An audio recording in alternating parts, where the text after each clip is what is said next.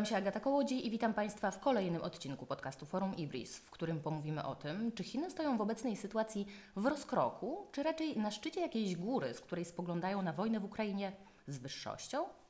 Jakie właściwie są cele państwa środka, te długoterminowe? I czy Putin właśnie w ich realizacji pomaga, czy raczej przeszkadza? Bo może to dobra okazja, by uderzyć w petrodolara, osłabiając pozycję gospodarczą USA. Czy Chińczycy nadal próbują zdobyć dominację na świecie poprzez wykupywanie go? Robert Fogel, laureat ekonomicznego Nobla z 1993 roku, twierdził kilka lat temu, że do 2040 roku Polska stanie się źródłem taniej siły roboczej dla Chin. Czy dzisiejsze przetasowanie na scenie geopolitycznej, aby nas do tego nie zbliża, o tym pomówię dzisiaj z profesorem Bogdanem Góralczykiem z Uniwersytetu Warszawskiego, politologiem, sinologiem i dyplomatą, byłym ambasadorem w Królestwie Tajlandii, Republice Filipin i Związku Myanmar. Dzień dobry, panie profesorze. Dzień dobry, witam. Za długi ten wstęp. To ja jeszcze mimo wszystko. Pogrzebową, a jeszcze się nie kładę do trumny, mam nadzieję. To ja jeszcze tytułem wstępu już na temat y, sytuacji y, wokół wojny w Ukrainie. Panie profesorze, władze Chin nie potępiły rosyjskiej agresji, sprzeciwiły się nazywaniu jej inwazją. Twierdzą, że przyjaźń chińsko-rosyjska jest solidna jak skała, ale jednocześnie chińscy traderzy wstrzymali się z zakupami ropy z Uralu, czym właściwie zamrozili około, po, około y, połowę handlu rosyjską ropą na świecie. Chińskie banki też właściwie jakby dostosowują się do tych zachodnich sankcji. Chiny więc lawirują, y, ale nie bezładnie. Ja chciałabym jeszcze przytoczyć y, Kilka cytatów. Historyk y, Herfried Münkler na łamach Welt am Sonntag niedawno pisał tak. Graczem, który może odegrać dużą rolę w budowaniu nowego światowego porządku są Chiny. Xi Jinping już otworzył ramiona, ale nie po to, by uściskać Putina, lecz po to, by go opanować. Rosja będzie zależna od Chin na dobre i na złe, ponieważ nie ma już żadnej alternatywy. Ale z kolei pierwszy minister spraw zagranicznych Rosji po rozpadzie Związku Radzieckiego mówi, że Chinom zależy na Rosji Putina, która stara się paraliżować Zachód. A więc Rosja też nie powinna być zbyt słaba. Jakiej Rosji y, oczekiwałyby dziś Chiny? Co by byłoby im najbardziej na rękę? No, wreszcie zostałem dopuszczony. Tyle tych cytatów, że ja już nie wiem, czy ja mam zabierać głos, ale mam swój głos y, y, wyrazisty i samoistny, sui generis, oparty na 50 prawie latach obserwacji Chin. Czego nie dostrzegamy na naszym rynku medialnym i w naszych mediach w głównym nurcie, to to, że Chiny e, zostały zaskoczone e, tą agresją.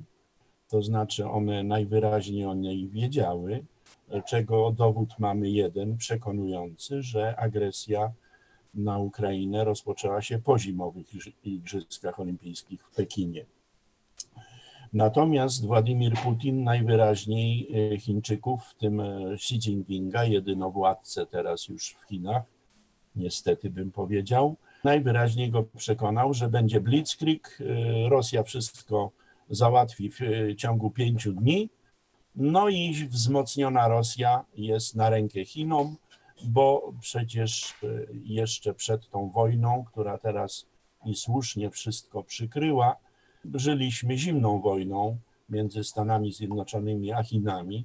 Przecież do dzisiaj obowiązują zasady wojny handlowej i celnej, którą zaordynował Donald Trump jeszcze w marcu 2018 roku. To istnieje, a w czasie pandemii, o której teżśmy już zapomnieli, w czasie pandemii doszły jeszcze dwa konflikty między Chinami a Stanami Zjednoczonymi, to znaczy wojna medialna, e, ideologiczna oraz wojna, która mm, bardzo łatwo ją wytłumaczyć tu w Polsce, o wysokie technologie, bo 5G, Huawei, TikTok, a nawet Robert Lewandowski, prawda?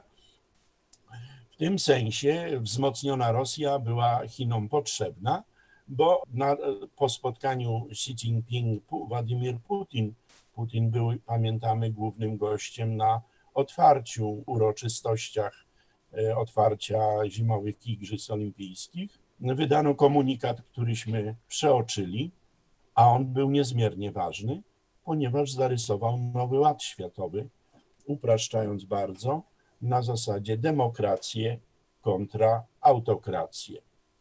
I wtedy przyszła inwazja, agresja Putina i zaskoczyła y, również Chińczyków, nie tylko cały świat, w tym nas. Po pierwsze, że była tak brutalna i na, pełnoskalowa. Prawdopodobnie spodziewali się, że zostanie zajęty Donbas, może jeszcze coś, ale nie coś takiego. Po drugie, że narodził się w czasie w bólu, walce, krwi naród ukraiński. I to nie jest wojna słabo motywowanej armii rosyjskiej o słabym morale z drugą armią, tylko jest to wojna tej armii słabo motywowanej o słabym morale z narodem ukraińskim, a takiej wojny nigdy się nie wygra. Nawet jeśli ona by miała 60 lat trwać, miejmy nadzieję, że będzie mniej niż 60 dni trwała, co będzie i, i tak o 60 dni za długo. I to Chińczyków zaskoczyło. W efekcie przez pierwszy tydzień wydawali bardzo sprzeczne ze sobą e, komunikaty. I to dowodzi, że byli w konfuzji. Raz, że jesteśmy za integralnością terytorialną i suwerennością, czyli jakby poniekąd w obronie Ukrainy, potem, że to nie jest inwazja i że to w ogóle nie jest wojna, aż w końcu po ponad 10 dniach rosyjskiej agresji Xi Jinping z własnej inicjatywy rozmawiał z kanclerzem Scholzem i Emmanuel Macronem i zaproponował tym dwóm ważnym europejskim politykom mediację, żeby próbować wyjść z tego pokojowo przy wsparciu Chin. No i tak to zawisło, ale mamy już następny etap. W ubiegły weekend w Rzymie doszło do rozmów aż siedmiogodzinnych doradcy y, do spraw bezpieczeństwa narodowego prezydenta Stanów Zjednoczonych Jake Sullivana z głównym politykiem chińskim zajmującym się sprawami zagranicznymi, byłem szefem dyplomacji Yang Jiechi. Jak oni 7 godzin ze sobą rozmawiali, to jako tytularny ambasador ja wiem, że wtedy się rozmawia paduszam, jeżeli można do rosyjskich terminów się teraz odwoływać. I spekulowałem, i właśnie w tej chwili, kiedy rozmawiamy, paski na stacjach telewizyjnych mi to potwierdzają, że dojdzie do spotkania online Xi Jinpinga z Joe Bidenem.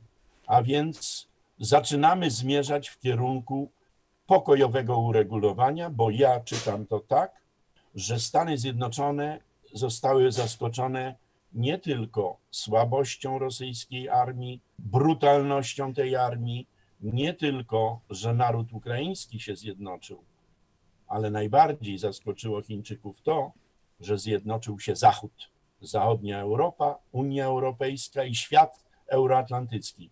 Chińczycy już widzą, że największym wygranym tej wojny będą Stany Zjednoczone.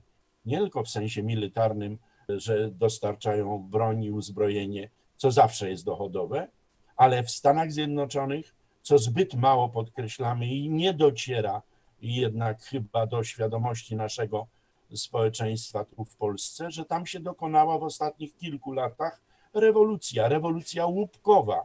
Stany Zjednoczone po raz pierwszy w swoich dziejach są eksporterem surowców energetycznych. Przecież jak występował w Bundestagu e, kanclerz Scholz i dokonywał tego przełomu kopernikańskiego w niemieckiej polityce, przynajmniej względem Rosji, to wstrzymał Nord Stream 2 i powiedział od razu, że Niemcy muszą wybudować i to szybko, w szybkim tempie, dwa gazoporty, takie jak u nas w Świnoujściu, gdzieś na Morzu Północnym, czyli na skroplony gaz made in USA. No USA. Panie Więc profesorze. tutaj już widzimy. I to nie, i skończę tylko tę myśl. I to widzą Chińczycy. I nie chcą, żeby Stany Zjednoczone jeszcze więcej wygrały, a równocześnie jeszcze bardziej się obawiają tego, że Putin przegrywa, co dla nich jest dobre, bo będzie junior partnerem, będzie osłabiony, ale nie Putin leżący na deskach albo rozwalony, bo to już jest kłopot dla Chin, również z tego podstawowego powodu, że to Rosja jest podsta podstawowym, głównym dostawcą gazu ziemnego, nieco mniejszym stopniu ropy naftowej dla Chin. Zanim wrócimy w takim razie do tej e, linii e, Chiny-USA, to zatrzymajmy się właśnie na, e, na linii Rosja-Chiny. To znaczy, zastanawiam się, bardzo często używa się w tej chwili w mediach takiego pojęcia, że mm, takiego określenia, że mm, Władimir Putin będzie Łukaszenką Chin, że, że to będzie relacja, która jest przepełniona wasalizmem. Jak sobie to w praktyce można wy... Pani redaktor, nie spekulujmy, jesteśmy w czasie wojny. W czasie wojny jedna rakieta albo użycie ładunku niekonwencjonalnego może zmienić całkowicie obraz. Mhm. My każdego dnia jesteśmy czymś zaskakiwani. Ja nie rysuję scenariuszy, co się zdarzy, z wyjątkiem tego, co jest oczywistą oczywistością, cytując naszych klasyków. Mianowicie to, że Rosja cokolwiek się nie zdarzy, jakkolwiek się ten konflikt nie zakończy i ktokolwiek nie będzie w nim wygranym, Rosja będzie osłabiona i przegrana. I to jest już pewne. I to jest gospodarczo rzecz biorąc, jak rozumiem, okazja dla Chin, tak? Ogromna, ogromna, No właśnie, pod gdzie- warunkiem, gdzie że Rosja nie potencjał? będzie zdestabilizowana, bo wtedy trzeba być policjantem i porządkującym. A osłabiony na moich lejcach, na moim powrozie, why not? Bardzo dobrze. Taka Rosja nam się podoba, osłabiona. Ale z drugiej strony osłabiona Rosja, a bardzo wzmocnione Stany Zjednoczone, to w rozgrywce, która dla Chin jest najważniejsza, czyli Morze Południowochińskie i Tajwan, to przydałby się rosyjski partner i rosyjskie wzmocnienie. Czyli tu jest gra na kilku fortepianach, a nie na jednym. To jest wojna po raz pierwszy nie lokalna, tylko naprawdę globalna. To jest wojna największa od II wojny światowej w każdym wymiarze, bo mówimy Ukraina, liczymy ofiary na Ukrainie, a jak pani widzi, rozmawiamy o USA, o Chinach, o Rosji. Trzeba by tu jeszcze i Unię Europejską włączyć, czy Berlin i Paryż, nie mówiąc o New Delhi i Indiach, które też nie są tutaj obojętne. A ja chciałabym włączyć Arabię Saudyjską w to jeszcze, która jest jednym z największych producentów ropy naftowej i kilka dni temu ogłosiła, że przyjrzy się możliwości handlu ropą z Chinami za juana. E, To może zachwiać ideą petrodolara, tak twierdzą niektórzy analitycy, bo przecież petrodolar to jest ten kanał, który generuje największy popyt na, e, na dolara. Czy ja przypominam sobie sprzed 10, może nawet 15 lat taką dyskusję, że Chinom bardzo zależało wówczas, żeby yuan wszedł do grona e, walut rezerwowych świata. To miał być ten kanał, który dać potęgę gospodarczą. bo jest w koszyku y, IMF, y, Międzynarodowego Funduszu Walutowego, jest w koszyku walut. Nie jest ważny, ale jest. Wszedł w 2017 roku. Natomiast y, ja bym powołał się na takie ugrupowanie, które nazywa się BRICS, czyli Brazylia, Rosja, Indie, Chiny i South Africa, RPA. I w tym ugrupowaniu Chińczycy e, powołali Bank e, Development Bank, e, Bank Rozwoju. To jest otwarte wyzwanie wobec zdominowanego przez dolara systemu Bretton Woods. Czyli oni już, i to jest od 2015 z siedzibą w Szanghaju, z gubernatorem, czyli prezesem tego banku Hindusem. I w ramach ugrupowania BRICS Chińczycy od początku dbali o to, ażeby po, podpisywać porozumienia w lokalnych walutach, a nie w dolarach. To po- pierwsze, żeby właśnie wypierać dolara jako walutę rezerwową, ale po drugie i ważniejsze, że Ameryka e, jest niezmiernie ciągle do dziś mocno zadłużona właśnie w Chinach. I to zadłużenie to jest pół, półtora biliona dolarów, czyli 1500 miliardów dolarów. To jest y, w, w Chinach.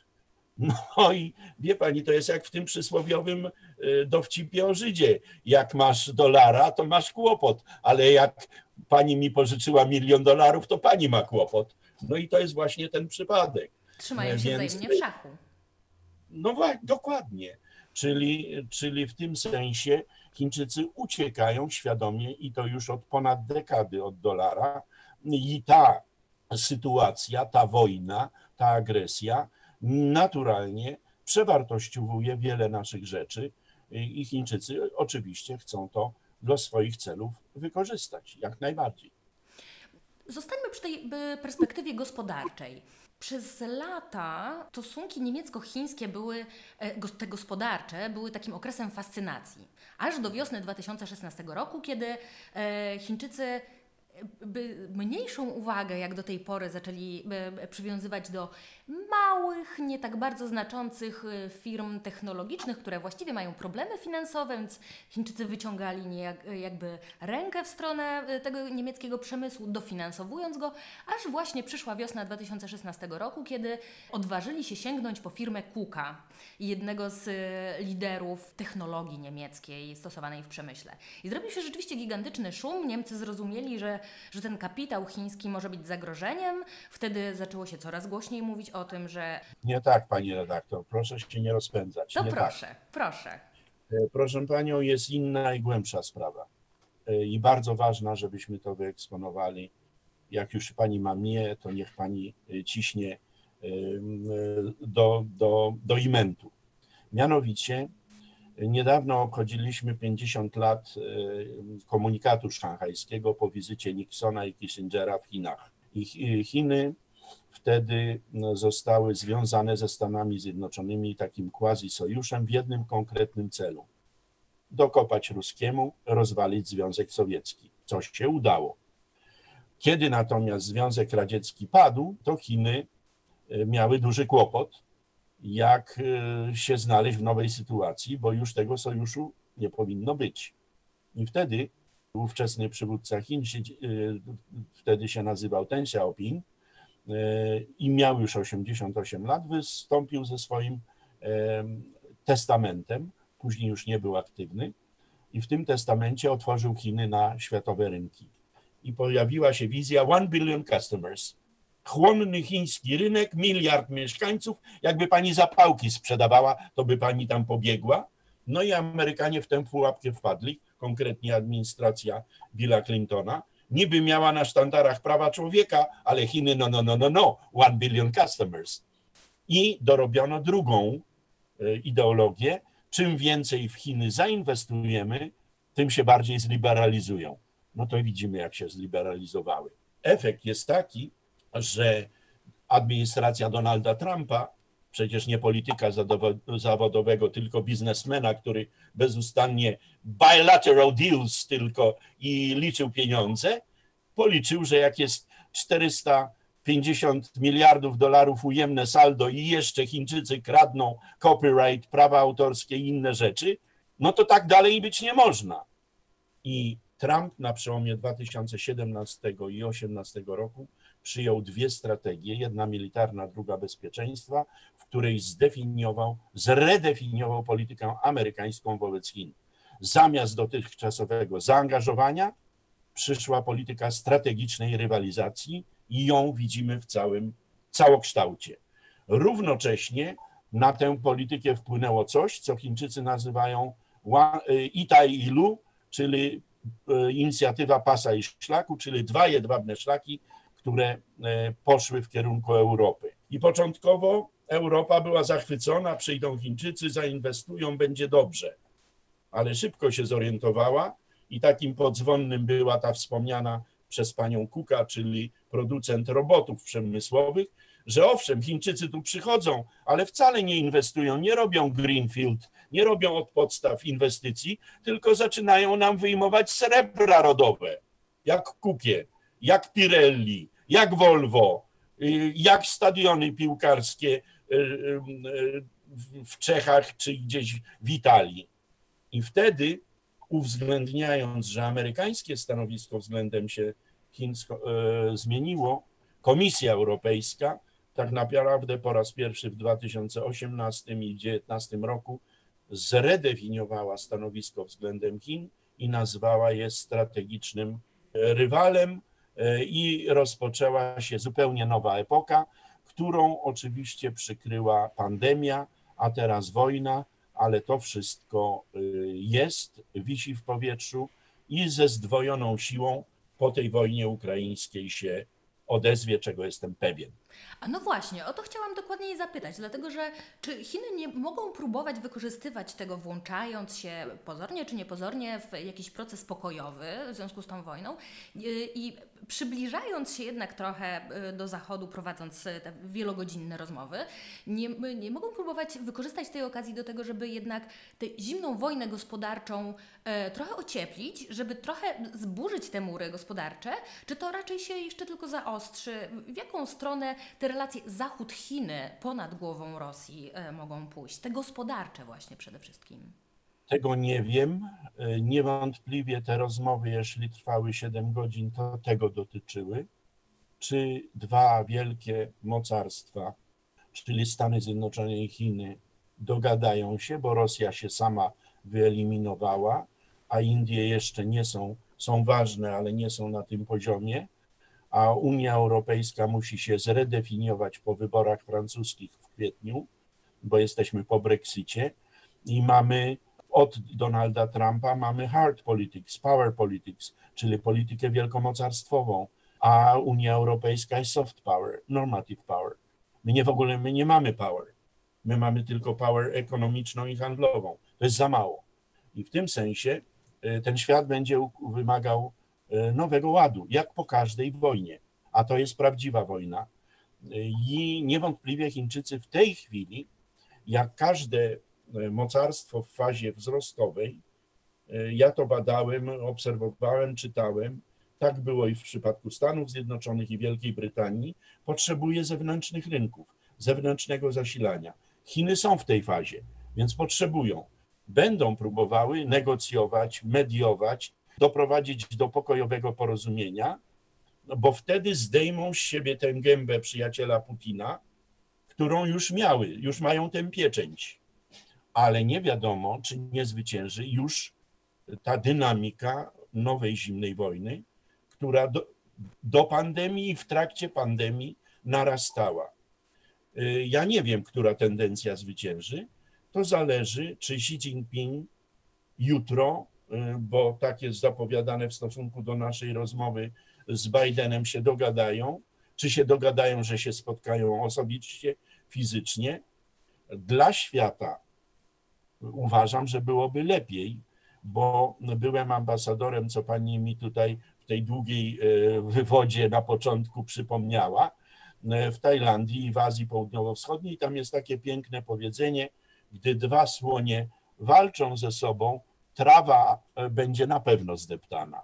Czyli jeżeli te dwa słonie by ze sobą walczyły, to my wszyscy za to zapłacimy. To nie ma wątpliwości co do tego a równocześnie jednak w czasie pandemii bardzo dużośmy mówili, może nie tu w Polsce, o decoupling, o tym, że istnieje możliwość rozwodu, że będzie jak w ruchu samochodowym. Jedni lewostronnie, drudzy prawostronnie, oby tylko nie jednym pasem, no bo wtedy wie pani, co to by z tego e, się zrobiło. W tym sensie e, wszystko przed nami i jak rozumiem, będzie kalkulowany rachunek sił, komu się bardziej co opłaca. Czy Amerykanie pójdą na deal z Chinami, czy wręcz przeciwnie. Tam wisi i Morze Południowochińskie, i Tajwan, już to wspominałem. Wszystko przed nami, trudno na razie, na dzień dzisiejszy przewidywać. To ja kończąc ten e, chiński wątek, wrócę do wspomnianych już e, słów Roberta Fogla, laureata ekonomicznego Nobla, który twierdził, że Polska może stać się źródłem taniej siły roboczej dla Chin.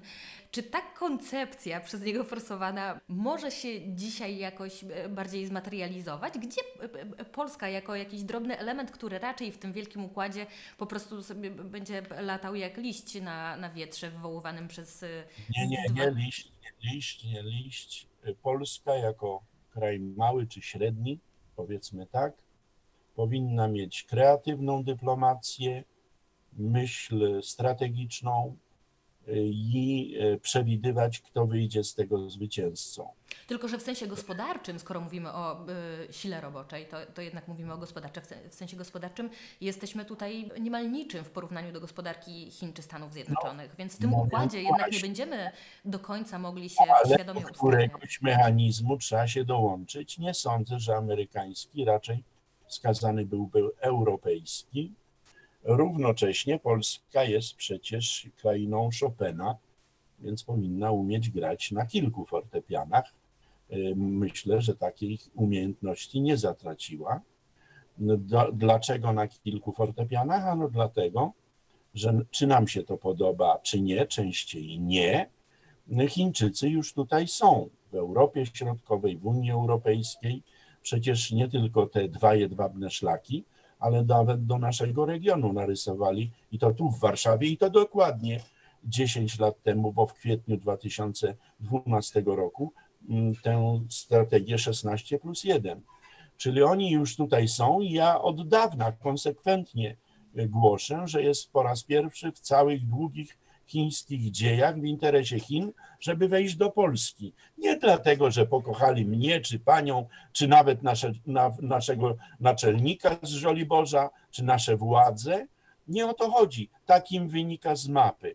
I należałoby to uwzględnić, szczególnie, że Viktor Orban, który prowadzi strategię zbliżenia na wschód, budował już e, odpowiednik Małaszewicz na swojej granicy ukraińsko-węgierskiej w Pyjnie Szlitkie, tylko trzeba to wyrzucić, no bo Ukraina jest rujnowana, zdestabilizowana. Białoruś nie. Przez Białoruś te chińskie transporty po tej wojnie, chyba że będzie Rosja zdestabilizowana. Kolejny dowód, że Chińczykom się nie opłaci zdestabilizowanie Rosji, bo wtedy cały ich projekt jedwabnego szlaku można, może szlak trafić, prawda? Y, w tym sensie tutaj jest coś do ugrania. No i się trzeba temu przyglądać. Jeżeli oni tutaj są i chcą inwestować, to proszę bardzo. Natomiast y, naszym sojusznikiem jest w sensie bezpieczeństwa są Stany Zjednoczone, widzimy to jak na dłoni. Natomiast w sensie modernizacji postępu, to jedna trzecia naszych obrotów to są Niemcy. I dopóki nie zmienimy tej statystyki, nie ma o czym gadać. To skoro wspomniał Pan profesor e, o Węgrzech i wykorzystując okazję, że jest Pan również przecież specjalistą od Węgier, chciałabym spojrzeć jeszcze na e, minutę w tamtym kierunku. Ponieważ e, media węgierskie zupełnie nie zajmują się atakiem na teatr w Mariupolu. W ogóle nie było takich informacji w węgierskich mediach. Nie dowiedzą się Węgrzy z mediów również o tym szczycie NATO w Brukseli zaplanowanym na 24 marca. Wiemy, jak wyglądają węgierskie media. Jaki jest tego efekt? Dominik Hej opublikował na Twitterze, zdaje się w, w czwartek, badania Publikus dla proszę mi wybaczyć, nie znam węgierskiego, ale Nepszawa, jeśli dobrze jedyny dziennik ogólnokrajowy o charakterze opozycyjnym. Wynika z tych badań. jest w rękach Orbana. Z tych badań społecznych wynika, pytanie jakie Publikus zadał brzmiało tak. Czy Pana Pani zdaniem atak Rosji na Ukrainę to agresja, czy raczej obrona części Rosji? 64% Węgrów odpowiedziało, że atak, 15% że obrona. Ale gdyby spojrzeć już na elektoraty, to 44% wyborców Fidesz, y, tylko 44% uważa, że to agresja, 24% że ochrona, 32% że właściwie nie wiadomo. W co gra Viktor Orban? On ewidentnie w całej tej wojnie zwraca się raczej w stronę Rosji, nie wysyła Ukrainie broni, co więcej, nie pozwala przez swoje terytorium tej broni przewozić. Czego właściwie chce i do czego może zmierzać w tej chwili e, Viktor Orban prowadząc swoją e, politykę? No, zmierza do tego, żeby wygrać wybory 3 kwietnia. To jest oczywiste. W chwili, kiedy rozmawiamy, jest dwa dni po święcie narodowym na Węgrzech, 15 marca to jest dzień wybuchu wiosny ludów. Główne święto narodowe na Węgrzech są tam trzy. I mieliśmy wielki wiec z wystąpieniem Wiktora Orbana, którego słuchałem uważnie. 32-minutowe wystąpienie, które jasno odpowiada na Pani pytania. Węgry nie są stroną tego konfliktu. Węgry ogłaszają neutralność. Węgry nie chcą wspierać Ukrainy, no, a podtekst, czego już Orban nie powiedział, jest taki, że on od ponad dekady prowadzi coś, co nazywa się po węgiersku keletinitas, czyli strategia otwarcia na wschód, w ramach której to strategii zbratał się z niejakim Władimirem Władimirowiczem Putinem. Proszę przypomnieć sobie, jak się ten na Kremlu długi stół siedmiometrowy pojawił, to pierwszą rozmowę Putin przy tym stole przeprowadził z Wiktorem Orbanem 4,5 godzinną. Tam są biznesy nie do końca transparentne, bo Unia Europejska, jak daje pieniądze, to przepuszcza przez swoją biurokratyczną e, maglarkę. A z Putinem ręka rękę myje. Na 20-30 lat mm, porozumienie w sprawie odnowienia jeszcze po, po sowieckiej elektrowni atomowej w Poksz jest schowane w archiwach, no i można robić co się chce. Więc Viktor Orban związał się z Putinem, ma całkowicie, to nie jest już na Węgrzech liberalna demokracja, sam Orban mówi, że to jest nieliberalna demokracja, ma kontrolę nad mediami wszystkimi, one są w rządowych rękach, a te media powielają raczej interpretację Kremla. No i efekt ma pani w tych danych Y, które pani przytaczała, zadając to pytanie. Pytanie, czy chodzi w tej przyjaźni z Władimirem Putinem o, tylko o pieniądze, czy być może y, Orbanowi chodzi po głowie jakiś rewizjonizm terytorialny? Ja pamiętam, jak, y, jak się wszyscy dziwili, jest takie zdjęcie nawet premiera Morawieckiego, który oglądał uważnie mapę Wielkich Węgier, którą, tak Węgier, jest, tak? którą przedstawia mu Viktor Orban. odpowiedź. Jeżeli w gabinecie premiera Viktora Orbana w w klasztorze karmelitów, bo on przeniósł siedzibę premiera z gmachu parlamentu na wzgórze budańskie do odrestaurowanego dawnego klasztoru karmelitów i tam za jego biurkiem, za nim jest ta mapa Wielkich Węgier. Niedawno ze zdjęć dowiedziałem się, że również u jego rzecznika też taka mapa Wielkich Węgier jest. No wobec tego dla mnie jest więcej niż oczywiste, że jest w tym rewizjonizm i dowodów mógłbym przytoczyć co niemiara. Co więcej, wydałem taką książkę o Trianon, kiedy Węgry po I wojnie światowej poćwiartowano i w stulecie Trianon, czyli 4 czerwca 2020 roku, na wysokości frontonu gmachu parlamentu, nie od strony Dunaju, tylko od wewnątrz, tam jest plac Koszuta, oddano muzeum e, czy mauzoleum, powiedziałbym, Trianon, gdzie wypisano ponad 13,5 tysiąca nazw węgierskich e, z, z czasów korony świętego Stefana, e, niezależnie od tego, czy one są w Siedmiogrodzie, czy w Wojwodinie w dzisiejszej Serbii, czy nawet w Burgenlandzie, a nawet jest miejscowość Nedec się nazywa, po polsku nazywa się Niedzica. Czyli pamiętajmy, jak on będzie już zbierał wszystkie węgierskie ziemie, no to i te, ta niedzica w niebezpieczeństwie jest. Natomiast e, w tym wystąpieniu 15 marca Orban kilkakrotnie podkreślał, że on jest premierem nie 9,5 milionowych Węgier, tylko 15 milionów Węgrów. Orban prezentuje się jako przywódca jedynowładca, można powiedzieć, całej, e, całych Węgier, całej diaspory. No i tutaj jest chyba odpowiedź pełna. Czy to y, jest wielkie marzenie bardzo odsunięte w przyszłość? Czy Orban mógł liczyć na to, że Putinowi pójdzie szybko w Ukrainie i w dodatku narobi tyle zamieszania, że może terytorialnie poszło. coś uszczknie? Ale mógł tak myśleć już? Nie, ale nie poszło i Orban może być wielkim przegranym. Ja nie wiem, czy w tych wyborach bo media robią swoje. Jedno już wygląda, że zdarzyło się coś istotnego, mianowicie 25 bieżącego miesiąca y, na wiecu popierającym Wiktora Orbana w Budapeszcie miał stawić się niejaki Donald Trump, ale jak rozumiem, przysłał tylko tweeta, y, czy tam coś innego, bo chyba nadal nie ma dostępu do Twittera, popierającego Orbana jako kandydata. E, więc e, e, wszystko zaczęło się dziać i Orban czuje, że może być przegranym, dlatego właśnie kiedy rozmawiamy, pojechał na trzy dni na granicę z Ukrainą, żeby tam osobiście wspierać uchodźców. To jest bardzo ważne, bo na Węgry przyszło też ponad 200 tysięcy, z czego co na połowa to są Węgrzy z Rusi Zakarpackiej, a oni, im Orban nadał czynne i bierne prawa wyborcze.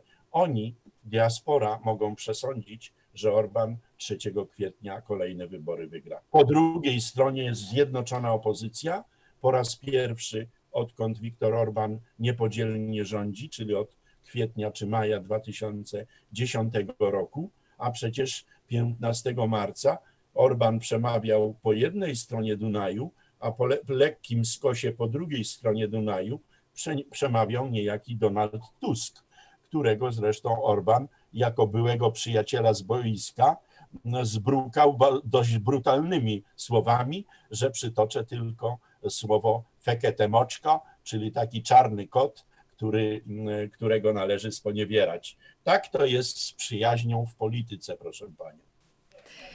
I tym trochę żartobliwym akcentem zakończmy. Bardzo serdecznie dziękuję panu profesorowi za rozmowę. Do usług. Do moim gościem, moim gościem był pan profesor Bogdan Góralczyk.